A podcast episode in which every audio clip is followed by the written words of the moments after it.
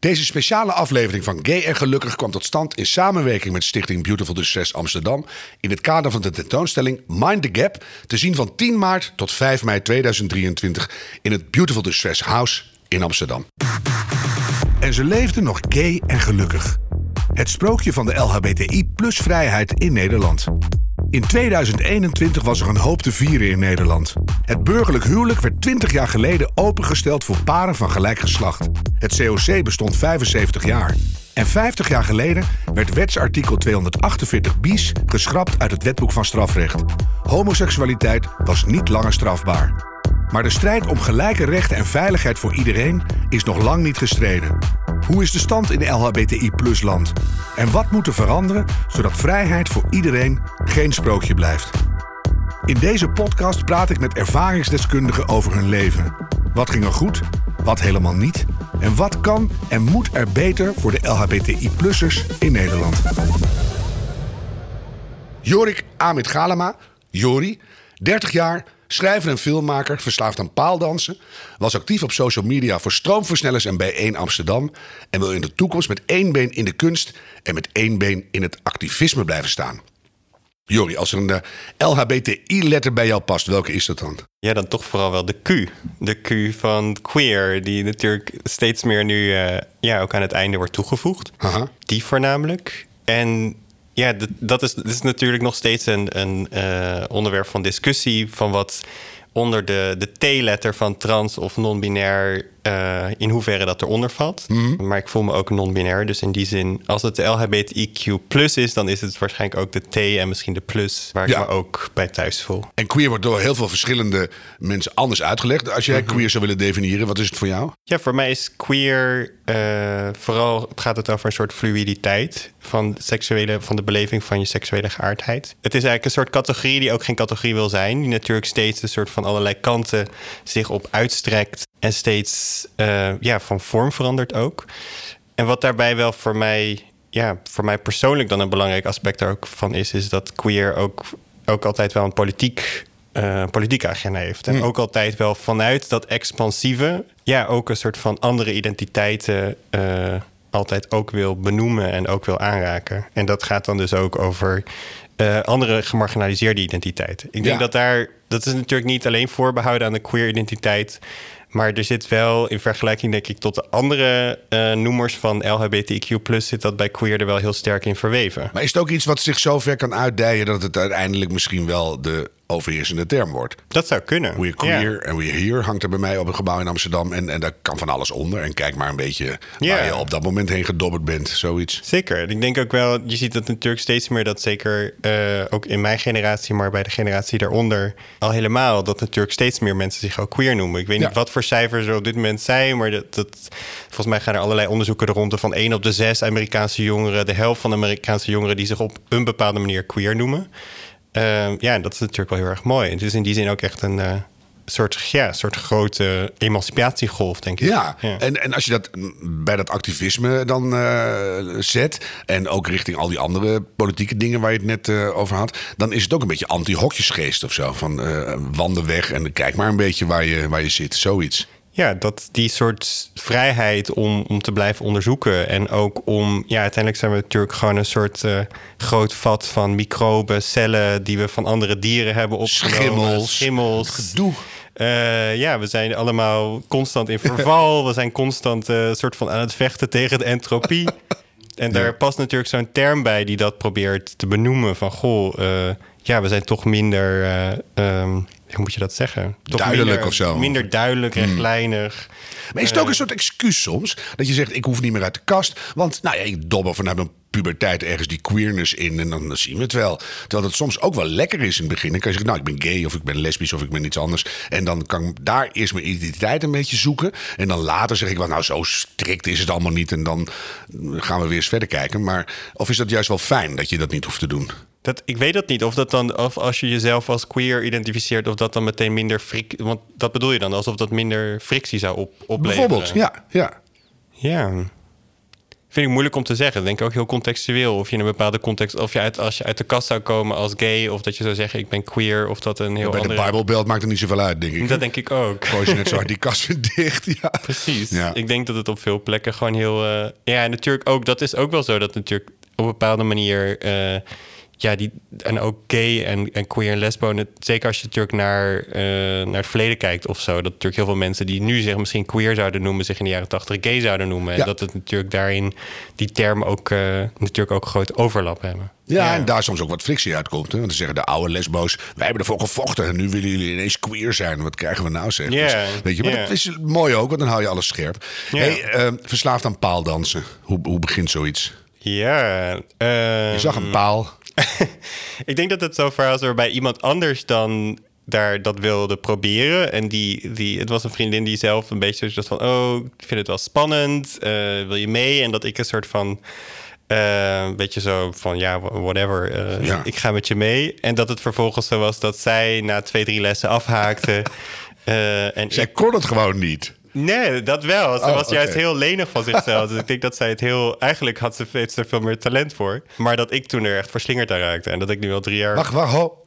Hm? Ik heb paaldansen nog nooit mooier omschreven gezien. Ik ben er verslingerd aan geraakt. Hmm. Ja. Je ziet meteen het beeld. Ja. Jeetje, maar de- de- je vond het leuk.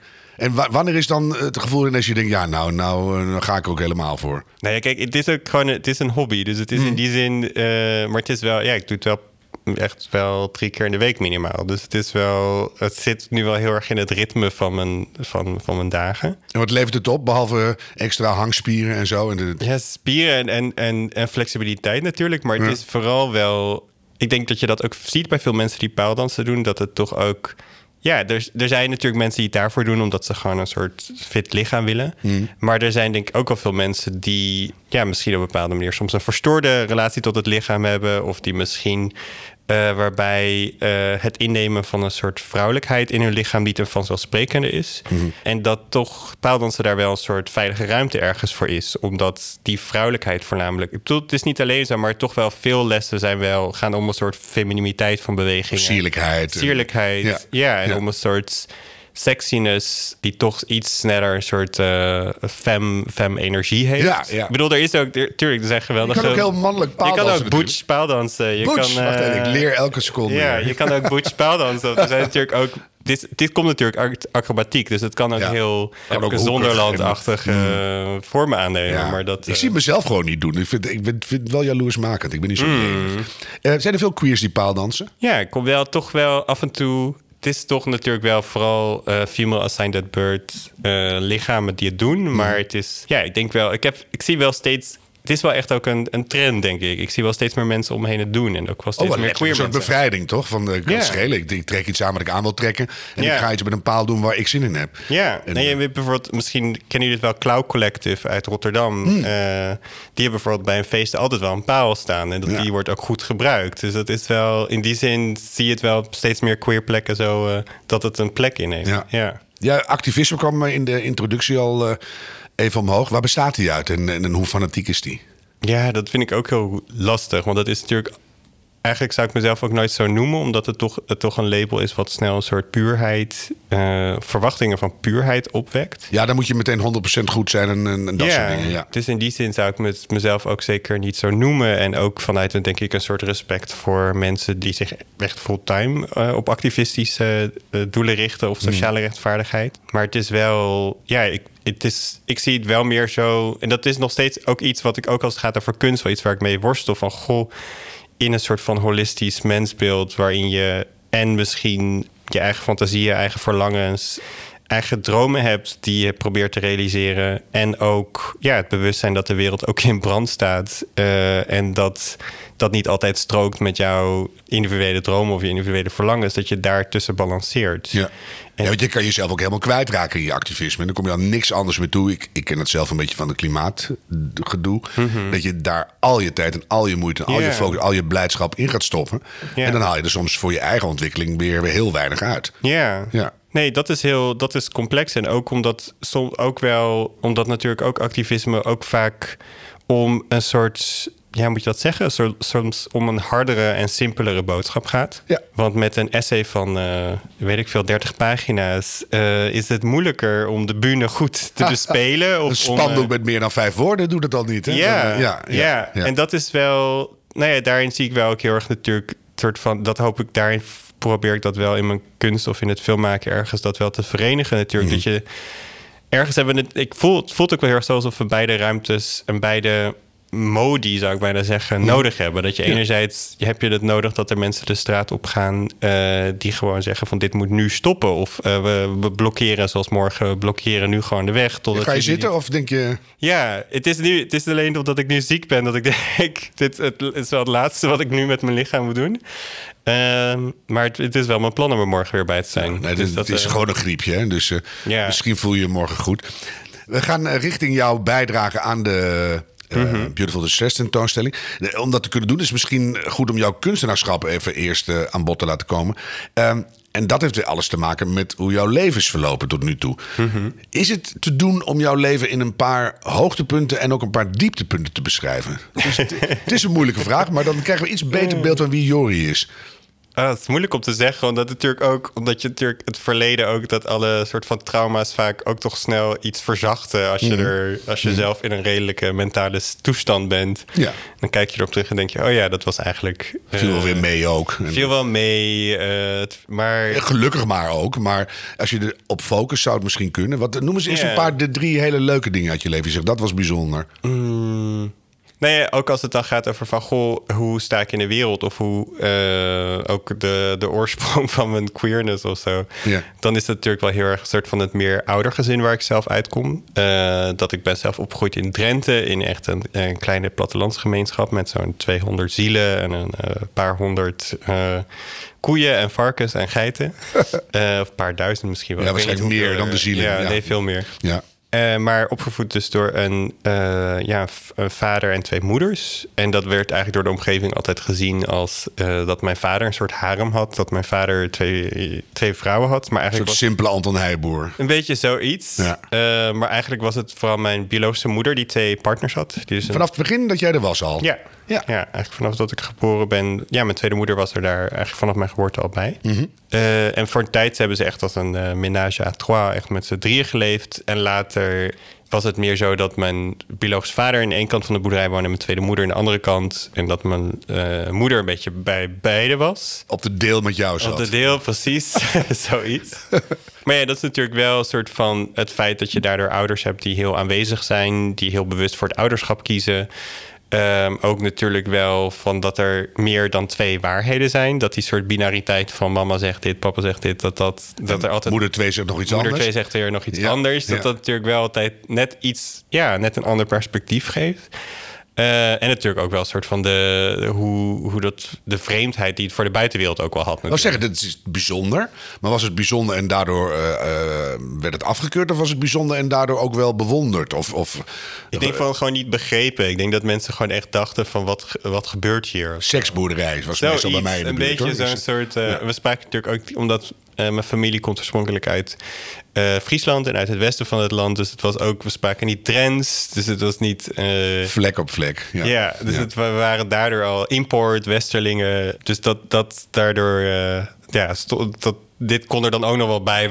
op die Maar je noemt het wel op als een van de hoogtepunten in je Ja, nee, zeker. Heb jij het als, dankbaar als voor. bijzonder ervaren? Ja, ik ben er echt heel dankbaar voor. En het is ook, eh, als ik dan toch een klein, eh, ook in dit gesprek, een klein grammetje activisme erin kan gooien. Het is natuurlijk ook nog steeds zo dat die meer ouder werd in Nederland. Keer op keer door de CDA en ChristenUnie eh, het, het, Ja. met een kluitje het riet in wordt gestuurd. Ja. En dat is wel, ehm, ja, ik ben, ik heb ook wel eens aan, aan, aan debatten hierover meegedaan. Dan werd me dat ook in mijn gezicht gezegd van, goh, je, je bent psychologisch misvormd doordat je drie ouders hebt. Ja, ja. En dat ik daarin, dat ik juist zo, wat dan ook heel interessant is natuurlijk, als mensen je geleefde ervaring, eh, zonder dat ze je kennen, zoiets, eh Oh, dat zoiets allemaal de hele dag. Dus, ja. de hele dag. Ja, ja. Nee, ik vind het mooi dat je het noemt. Want ik heb een andere ervaring met een meeroudergezin. En, Mhm. eh, ik, ben, ik ben ook een meerouderconstructie, maar geen gezin. En ik heb heel erg veel last gehad van het feit dat die wet er niet was.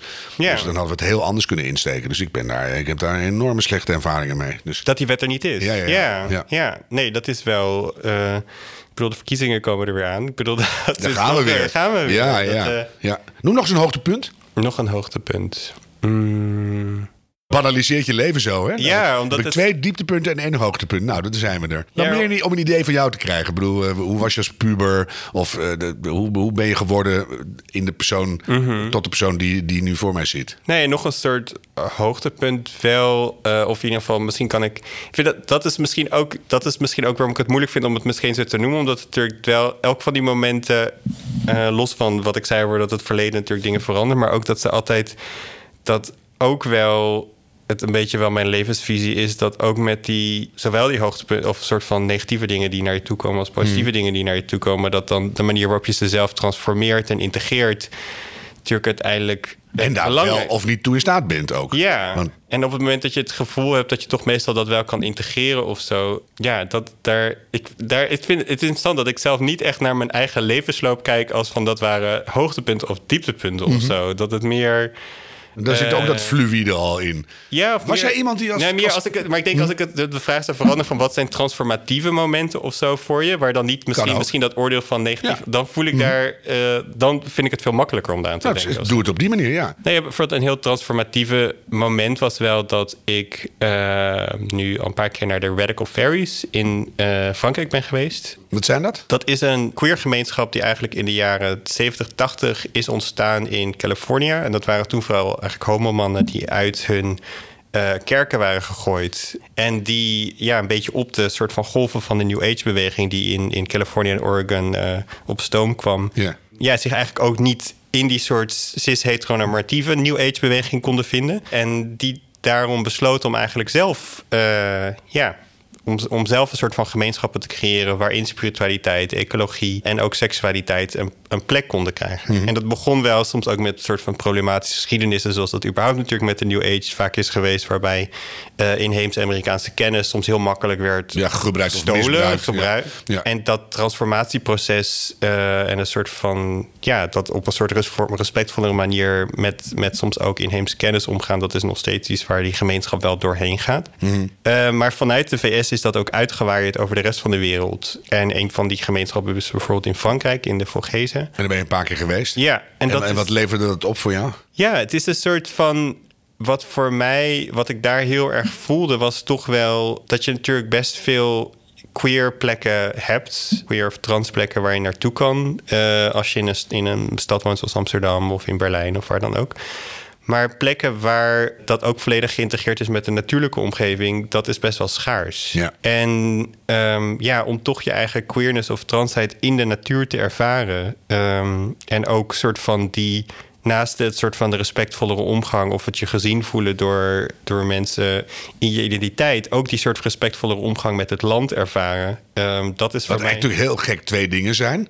Maar Ja. die je op die plek dan eh, gezamenlijk kan ervaren. Ja. Want de, de, die ecologische omgang met de aarde zouden we eigenlijk allemaal veel meer moeten voelen. Hè? Ja, maar het is natuurlijk wel zo van dat je nu zie je natuurlijk veel eh, ja, ecofeministische en queer ecologische discours die ook steeds meer aandacht krijgen. Ja. En dat dat natuurlijk, dat, dat die viering daarvan, van hoe de natuur altijd queer is en hoe er zoveel voorbeelden zijn van fluïde, non-binaire, eh, et cetera, eh, ja, andere levensvormen, dat is natuurlijk wel, naast een soort inspiratie geeft dat ook een soort, ja, moet je dat zeggen? Het voelde- daar heel erg als een soort thuiskomen of zo. Ja, dat, die dat dingen kan ik me erg- meteen voorstellen, ja. Ja. En natuurlijk de eeuwenoude verzuchting, de LHBTIQ plus club, moet het weer doen. Als in hoe bedoel je? Als Ja, die wereld redden en, die mensen dingen leren en laten Nou ja, zien. Wat, dus. wat, een, wat een mooi voorbeeld is ook wel van dat land. Wat ik me daar ook. Ja, wat me ook heel erg raakte wel daar was dat eh, het is een klein stukje land wat door een groep van queers uit eh, Duitsland, België, Nederland en Frankrijk is aangekocht. Dat is een paar hectare. Maar die hele omgeving daaromheen zijn allemaal commerciële houtvesterijen. Dus het Ah, ja. is allemaal monocultuur met eh, zilversparren die elke paar jaar worden, nou niet elke paar jaar, maar ik denk elke decennium ongeveer worden omgekapt. Ja, meestal 20, 22 jaar. zo. Zoiets. Ja, ja. Maar dat dat stukje land dus nu al sinds de jaren tachtig ja, onaangeroerd is. En dat daar dus allemaal oude bomen groeien. En dat daar dus allerlei planten... eh, en ook, nou, er staan bijvoorbeeld ook een paar eiken van 200, 300 jaar oud... omdat die niet gerooid worden. En dat je daarin dat wel dat verschil heel erg ook bijna ziet van... Ja, die, toch die heteronormatieve wereld daarbuiten... waarin alles in kleine perceeltjes is opgedeeld... eh, en er een soort monocultuur is. En dan zo'n klein, klein afgeschermd stukje queer natuur... waar eh, toch wat andere diersoorten en plantensoorten toch, ja, toch kunnen tieren. Ja. Eh, Beetje een Asterix en Obelix beeld. bijna wel, ja. Toen toen nu op. hey, maar als we dan los van die hoogte- en dieptepunten even kijken. Je bent nu 30. Mhm. Kan je zeggen dat jouw leven eigenlijk een, een, een soort lijn is die uitkomt bij waar je nu zit? Of zit er ook ergens nog echt een censuur in? Of een ding waarvan je zegt, oeh, daar moest ik wel even over een eh, Grand Canyon heen springen? Of doorheen ploeteren? Of, nou ja. Ja, ik zit te denken... Dat hoeft Nee, niet het te is, zijn. misschien, het is ook misschien als we hebben over mental health. Ik bedoel, het is wel eh, in die zin. Ik bedoel, ik ben wel iemand die ook. Ja, ik heb ook een angststoornis. Dus in die zin is er wel. Zijn er meerdere momenten in mijn leven geweest dat die angststoornis heel heftig opspeelde. Hmm. Ehm, en dat dat. Nou ja, dat ik wel inderdaad, wat ik net ook al zei, wel een soort van het geluk heb gehad, denk ik, dat ik die elke keer heb kunnen, integre- heb kunnen integreren. En ook wel. En waar moeten we dan aan denken? In hoeverre we het erover kunnen hebben, we eigenlijk helemaal niet afgesproken van tevoren. Maar Ja. angststoornis is zo'n woord. Hè? Maar als je zegt dat speelde heftig op, kan je beschrijven wat er dan gebeurde of wat er met jou deed? Ehm, ja, het is wel een, een oorsprong. En dat heeft, is zeker dan natuurlijk ook wel eh, uit het verleden of zo. Natuurlijk wel heel erg een soort groepsangsten. Eh, dus voor angsten voor je grote groepen zijn.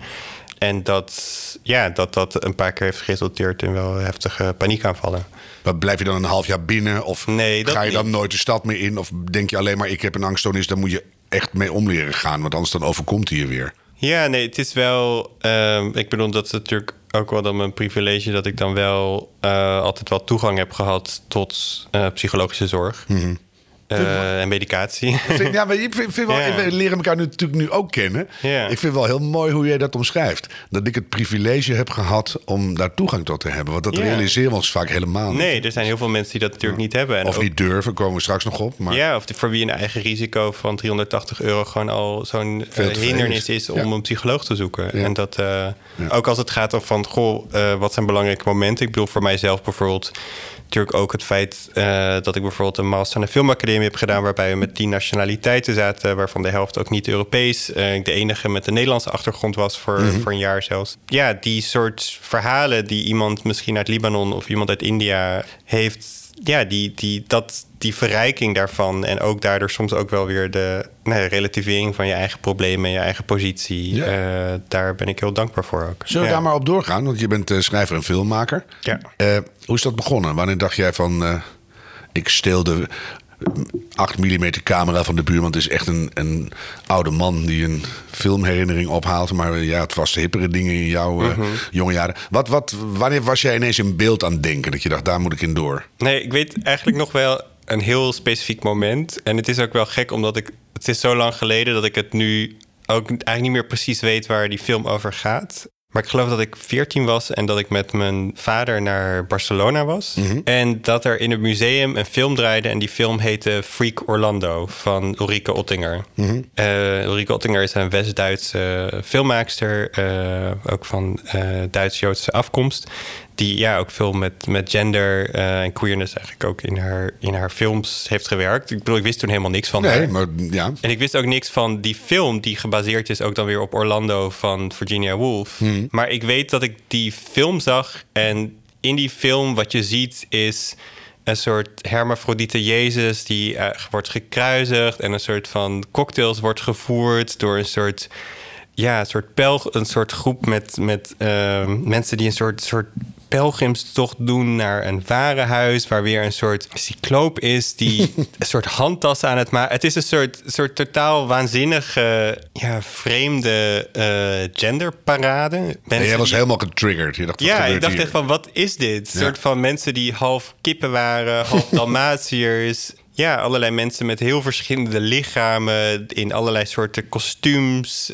Maar tegelijkertijd ook heel komisch en kritisch. En tegelijk zonder dat het per se ja, een, een soort statement maakte. Het was geen aanklacht of het was gewoon iets van zichzelf eigenlijk. Het was heel erg iets van zichzelf. Ja. Ehm, en ik ben later nog wel meer films van haar gaan zien. Maar ik weet wel dat ik dat toen zag. En die soort, die soort magische wereld. En een soort van die, die gekte die daarin zat. Dat ik dacht van daar een beetje bij in de buurt zijn. Dat is Eh, goed. Dat Ja. is goed. Ja. Ja. Mooi is dat, hè?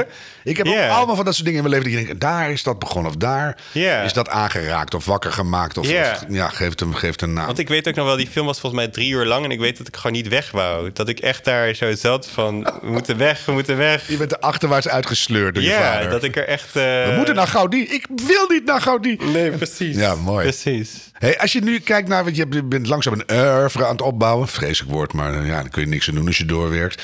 Ehm, zit er een soort eh, rode draad in je, in je werk, ook je schrijfwerk erbij? En is queer zijn daar ook ergens een belangrijke factor? Ik heb wel het gevoel dat het langzaam zich steeds meer begint uit te kristalliseren. Mhm. Alhoewel ik dat ook nog steeds wel... Het is... Ga je als valide persoon natuurlijk niet vastleggen. Dat moeten we Ja, niet hebben. nou ja, een beetje kan het er. Maar het is meer.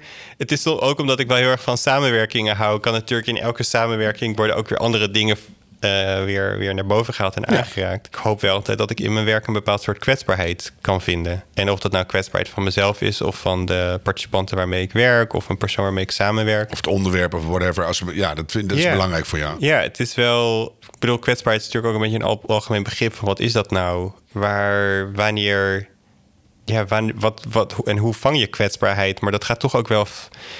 Toch natuurlijk ook best wel vaak over een soort van juist ook wel het vangen van zo'n transformatie. Of een soort van. Nou, dat vind ik wel een mooie omschrijving. Want het heeft natuurlijk ook te maken met, met je eigen kwetsbaarheid. En, en je eigen perceptie van datgene wat je maakt. Want als jij het kwetsbaar vindt, dan is het in ieder geval al wat dat betreft oké. Ja. Dus, eh, en hoe wij het dan percipiëren, nou ja, dat zien we dan wel weer. Maar, Ja. ja. Ik vind het wel een mooie eh, soort uh, aandachtsrichtinggever richting eh, de tentoonstelling. Want de aanleiding voor ons gesprek is jouw aandeel in de expositie Mind the Gap van Stichting Beautiful Distress. Eh, en dat is een stichting die kunst inzet om begrip en medeleven te vergroten voor mensen die te maken hebben met een psychische aandoening. De expositie Mind the Gap, die nog tot 5 mei van dit jaar te zien is in Amsterdam, wil mentale kwetsbaarheden onder de LHBTQIA+, het worden steeds meer letters, gemeenschap zichtbaar maken. En dat dat nodig is, blijkt uit harde cijfers van onder andere onderzoeken die het Sociaal en Cultureel Planbureau eerder publiceerde. En waarin we in de laatste afleveringen van deze podcast ook al aandacht aan hebben besteed. Jonge LHBTIQ-plussers die hebben twee keer zo vaak psychische klachten als een uh, cis-hetero-leeftijdgenoten. En het zelfmoordcijfer onder deze groep ligt 4,5 keer hoger dan het landelijk gemiddelde. Dat zijn, ik vind dat nog steeds, elke keer als ik ze zie, weer schokkende cijfers. En 1 op de 7 LHBTIQ-plussers die mijt psychische zorg uit angst voor discriminatie. Dat lost er nog van de eigen bijdrage. Dus dat, dat, dat zijn flinke dingen.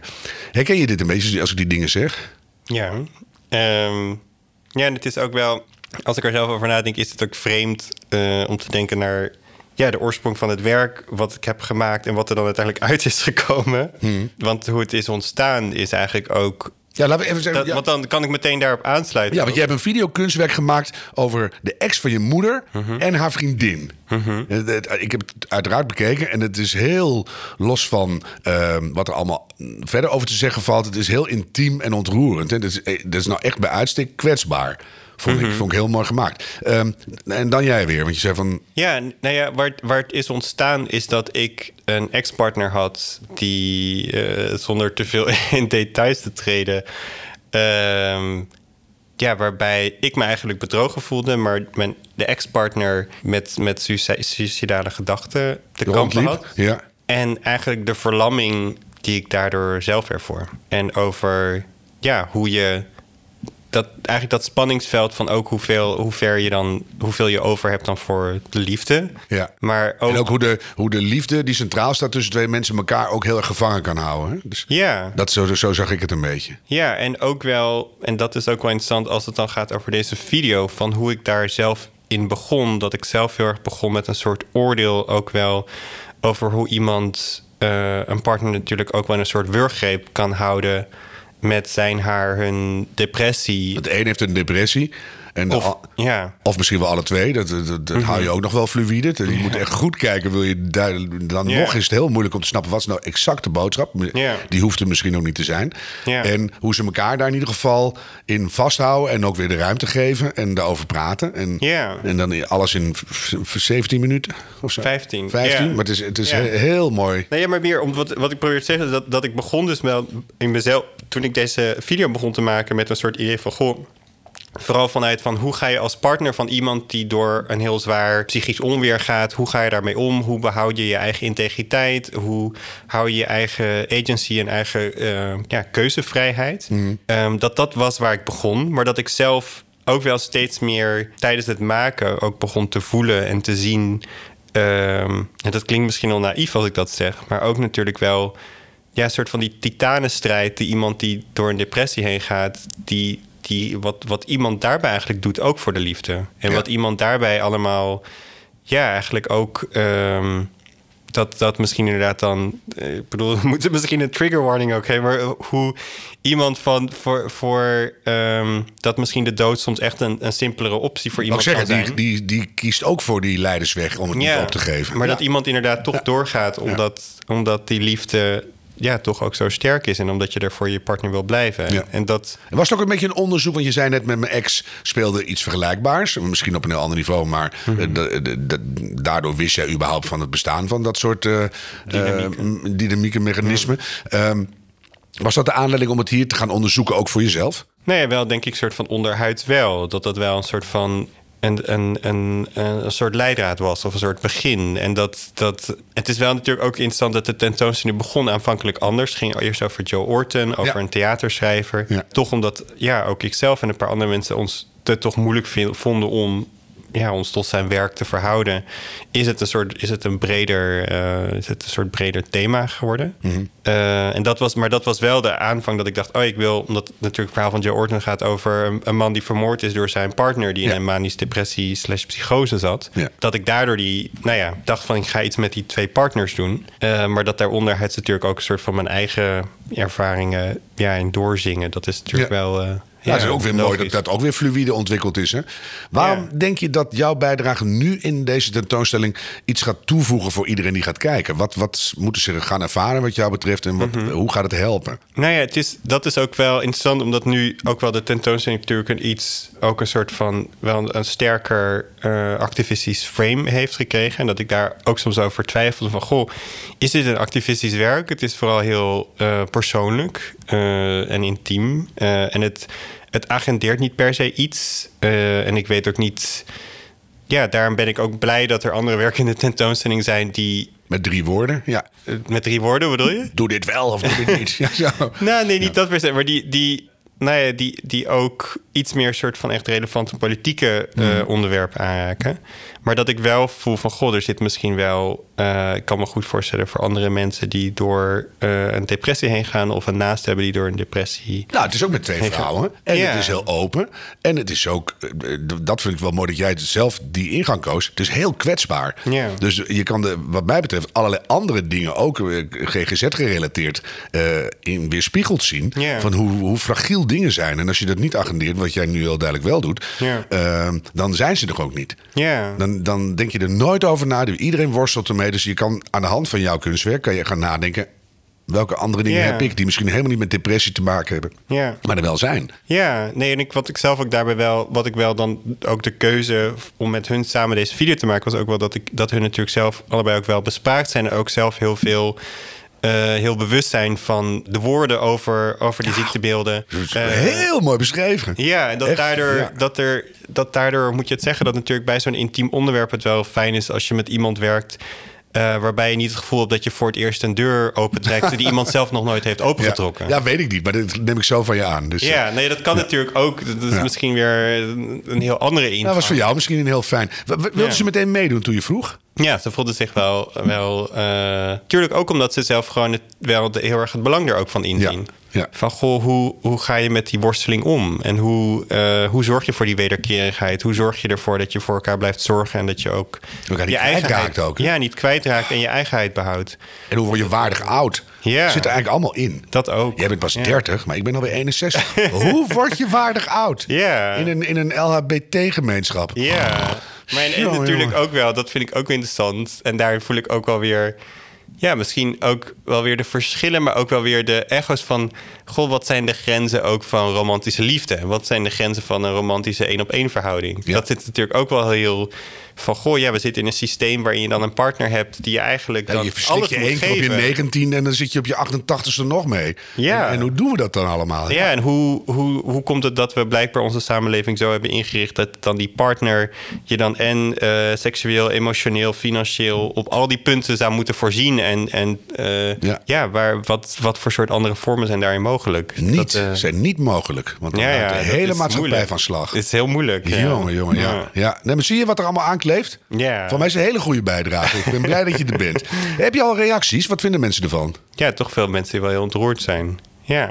En ook wel die, die uitwisseling natuurlijk wel van dat je even dat spel met die machtsverhouding van goh, wie is er nou psychiater, wie is er ziek, tussen aanhalingstekens. Zo, je moet echt goed kijken hoor. Dat, eh, Ja, dat is leuk. natuurlijk. Ja, ik- dat vond ik- dat ook wel toen ik hiermee bezig was, kwam ik achter een werk van Sophie Kal, die dat in een psychiatrische inrichting heeft gedaan, waarbij ze dan eh, psychiaters en patiënten eh, allerlei verschillende rollen liet spelen, waardoor je dat op een gegeven moment je, je gewoon niet inderdaad Ja. echt niet weet wie wie is. Ik heb een keer in een zorgboerderij een kerstdiner laten koken door de patiënten, om ze maar even zo te noemen. Mhm. En dat te laten serveren aan mensen die er zaten. Die hadden allemaal niks, maar die hele levens lagen in puin. Ja. En toen waren ineens de, de patiënten waren de verreweg meest gezonde aanwezigen bij het kerstdiner. Dus Ja. het zo leuk ook om dat om te draaien. Ja. Ja. nee, dat is toch de onzichtbaarheid ook natuurlijk wel. Van, Ja, en die eeuwige veel- framing van alles. Hè? Ja. Er moet weer een hokje in en op en omheen. Ja. In deze podcast vragen wij gasten hoe zij vinden dat het gaat met die hele LHBTIQAP gemeenschap in Nederland. In Mhm. de hele tentoonstelling Mind the Gap. En jouw bijdrage daaraan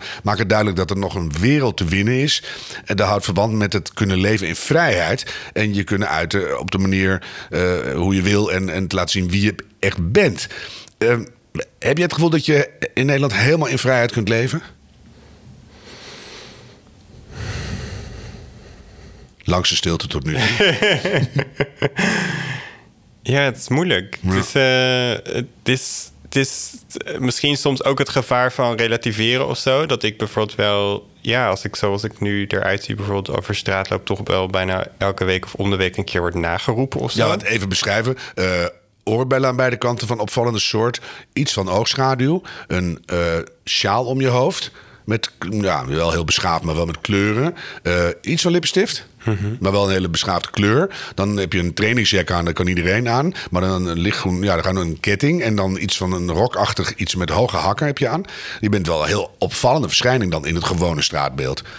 Dus dan Ja. krijg je dus een hoop commentaar naar je hoofd, toch? Ja, en dan ben ik dan zelf, relativeer ik dat als in van, oh ja, ik heb al, al wel tien jaar of zo, ben ik niet meer fysiek aangevallen of zo. En dat zie ik, dat zie ik Wacht dan. even hoor. Even, want dat was daarvoor wel.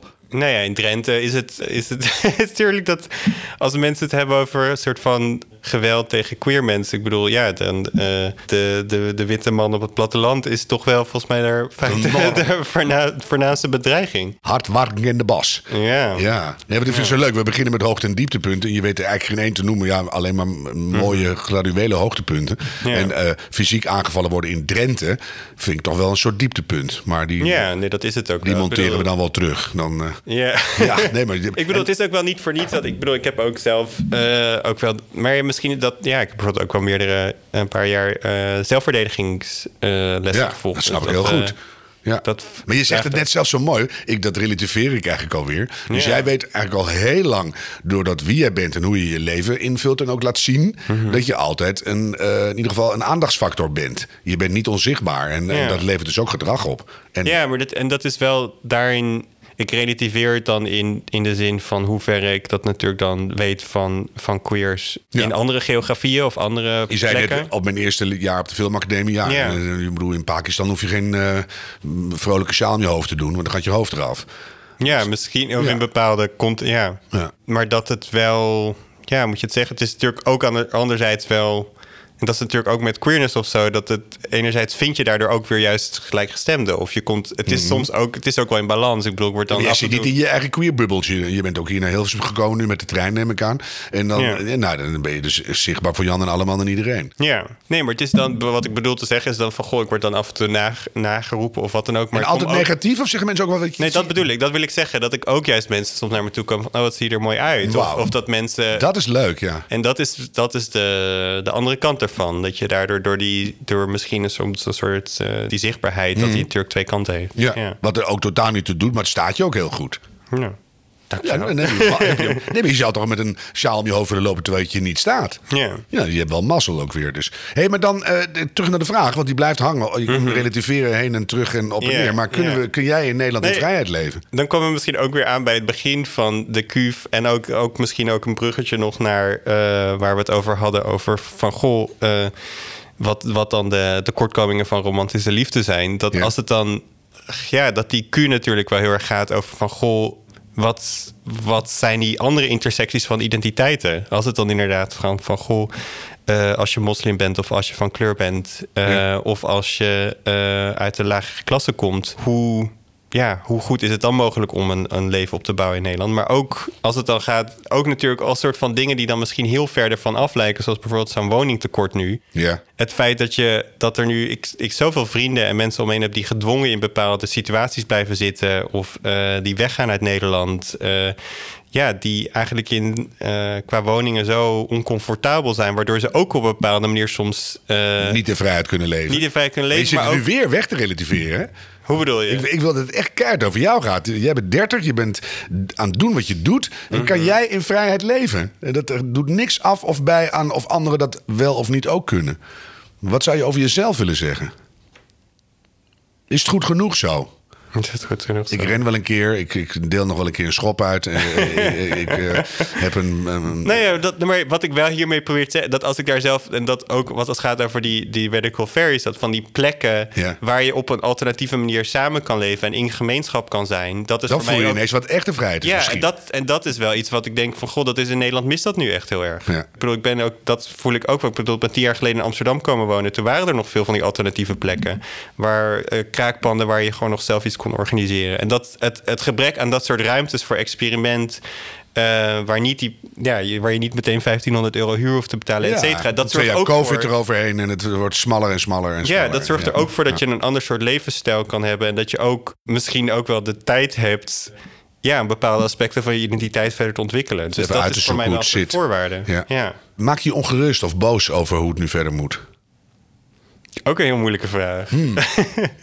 Nou ja, ongerust we, Nee, ik, het is wel, ja, ik, zie, ik. ik zie wel heel veel soort van lijnen die natuurlijk wel heel eng zijn. Ik bedoel dat natuurlijk dat Fort Europa wordt steeds eh, Zo. hermetischer afgesloten. eh rechtspopulisme wordt alleen maar sterker. Ja, aan de andere kant, Eh, als we hier 500 miljoen klimaatvluchtelingen krijgen over 15 jaar, eh, is ook niks. Maar ja, eh, moet je dan een hek zetten bij Griekenland, is het ook niet. Die, die problemen worden lijken blijkbaar allemaal steeds groter. En dat gaat allemaal steeds harder op het individu drukken. Ja. Dus maak je je ongerust. Nou ja, maar tegelijk, dat is inderdaad, zeker maak ik me ongerust. En, dat, en daar natuurlijk wel een soort van de kleinheid van je eigen bijdrage of je eigen, wat je eigen verantwoordelijkheid daarin is. En in hoeverre daar uiteindelijk de 1% die is eh, flink aangepakt zou mogen worden. Dat, dat, staat, dat is wel denk ik nummer één. Dat Ja. gewoon eh, het invoeren van een veel, veel strenger belastingbeleid, een, een inkomensgrens, een vermogensgrens, eh, al dat soort zaken. Dat zou- Uitstootgrens vind ik ook fijn. Uitstootgrens, al die Ja. verbieden van privé. En ik bedoel, die lijst is natuurlijk eindeloos van dingen die we zouden moeten invoeren. Ja. Om, om die, als het dan gaat specifiek over klimaat en alle gevolgen die dat ook verder sociaal heeft. En misschien uiteindelijk als je dat allemaal weer omdraait, want dat leer ik nu ook veel een beetje van jou de afgelopen drie kwartier. Ehm, ik hoop altijd maar dat er ergens een soort licht in mensen vaart. Dat er een soort intrinsieke urgentie om goed te doen omhoog komt. Dat je denkt, ik wil ook helemaal geen privéjet. Want dat is ook gewoon stom. Weet je, maar dat is helemaal utopisch schijnt. Maar, eh, dus ik voel je, maak je ongerust. Ehm, is er toch nog iets van licht aan de horizon? Ja, het is, dat is dus die andere kant van goh, van er zijn allemaal van die dreigende lijnen. Maar die lijnen van goh, en is misschien ook een beetje een open deur, maar hoe ik dat zie van de, die, de, de enorme verbondenheid die we nu ook hebben. En al die netwerken die zich nu op allerlei plekken aan elkaar knopen. Ja, en hoe we daardoor soms misschien heel erg overmand worden door alle problemen die overal plaatsvinden. Maar ook wel tegelijkertijd ons empathisch vermogen ook wel verder laten uitwaaieren. En ook daardoor, nou ja, ook natuurlijk door de uitwisseling van mensen, de uitwisseling van ideeën, et cetera. Ja, ook wel het zorgen voor, voor, voor elkaar en voor andere gemeenschappen, voor andere plekken, et cetera, wel steeds vanzelfsprekender wordt. Dat is natuurlijk ook, heeft wel heel veel schoonheid. En dat is wel iets wat denk ik in de afgelopen tien jaar echt heel erg is veranderd. Ik zou bijna zeggen, kunnen we beter eindigen? ik denk het niet. Ik vind dat mooi. Dank je wel. Wil je nog iets toevoegen? Ben ik iets vergeten? Nee, misschien een soort van, ook als het dan gaat over, ehm, over die uitwisselingen. ehm, en over van, ehm, nou ja, ook over van wat dan misschien, wat dan, waarom ik zelf me zo, ja, me zo eh, interesseer voor queer ecologie. Dat dat natuurlijk toch wel echt zo gaat over van, goh, hoe, hoe poreus we zijn. En hoe, eh, hoe we inderdaad los van ideeën, eh, ja, door chemische stoffen, door stralingen, door wat dan ook, gewoon constant elkaar beïnvloeden en beïnvloed worden op manieren die we vaak zelf nauwelijks zien of kunnen doorzien. Nee. En dat dat, ja, die, die soort van, die extreme verwevenheid die we eigenlijk hebben, dat dat wel, eh, ja, ook wel iets is wat ik in ander werk, niet per se in de video die we nu hebben besproken, maar in ander werk wat ik ook aan het maken ben, ja, waar, waar ik heel erg dat pro- probeer zichtbaar te maken, of dat invoelbaar te maken. Zowel in negatieve als in positieve zin. Ja, Want ik vind met name die positieve kant eraan het mooiste. We, zitten allemaal bomvol met nanoplastics. Nou ja, Ja. kan ik me niet elke dag zorgen om maken, dus het moet dan maar even. Maar dat je die, die netwerken zoals je die beschrijft en die, die verbanden die er zijn zichtbaar gaat maken. Dat is natuurlijk een hele grote kracht van een kunstenaar. ja, ja. Dat is Ja. natuurlijk wel. ehm, Ja, Juri. Ik ga je eigenlijk, eh, we kunnen nog uren doorkletsen. Dank je wel dat je er was en eh, voor je mooie bijdrage. Juri Galema. Deze aflevering kwam tot stand in samenwerking met Stichting Beautiful Distress in het kader van de tentoonstelling Mind the Gap, die nog tot 5 mei 2023 te zien is in het Beautiful Distress House in Amsterdam. Met dank aan Wilco Tuinenbreijer, voorzitter van Beautiful Distress en het Nederlands Instituut voor Beeld en Geluid in Hilversum. Muziek en audio nabewerking Hens Zimmerman. Dit is een podcast van Harm Edens en Merel van der Merendonk.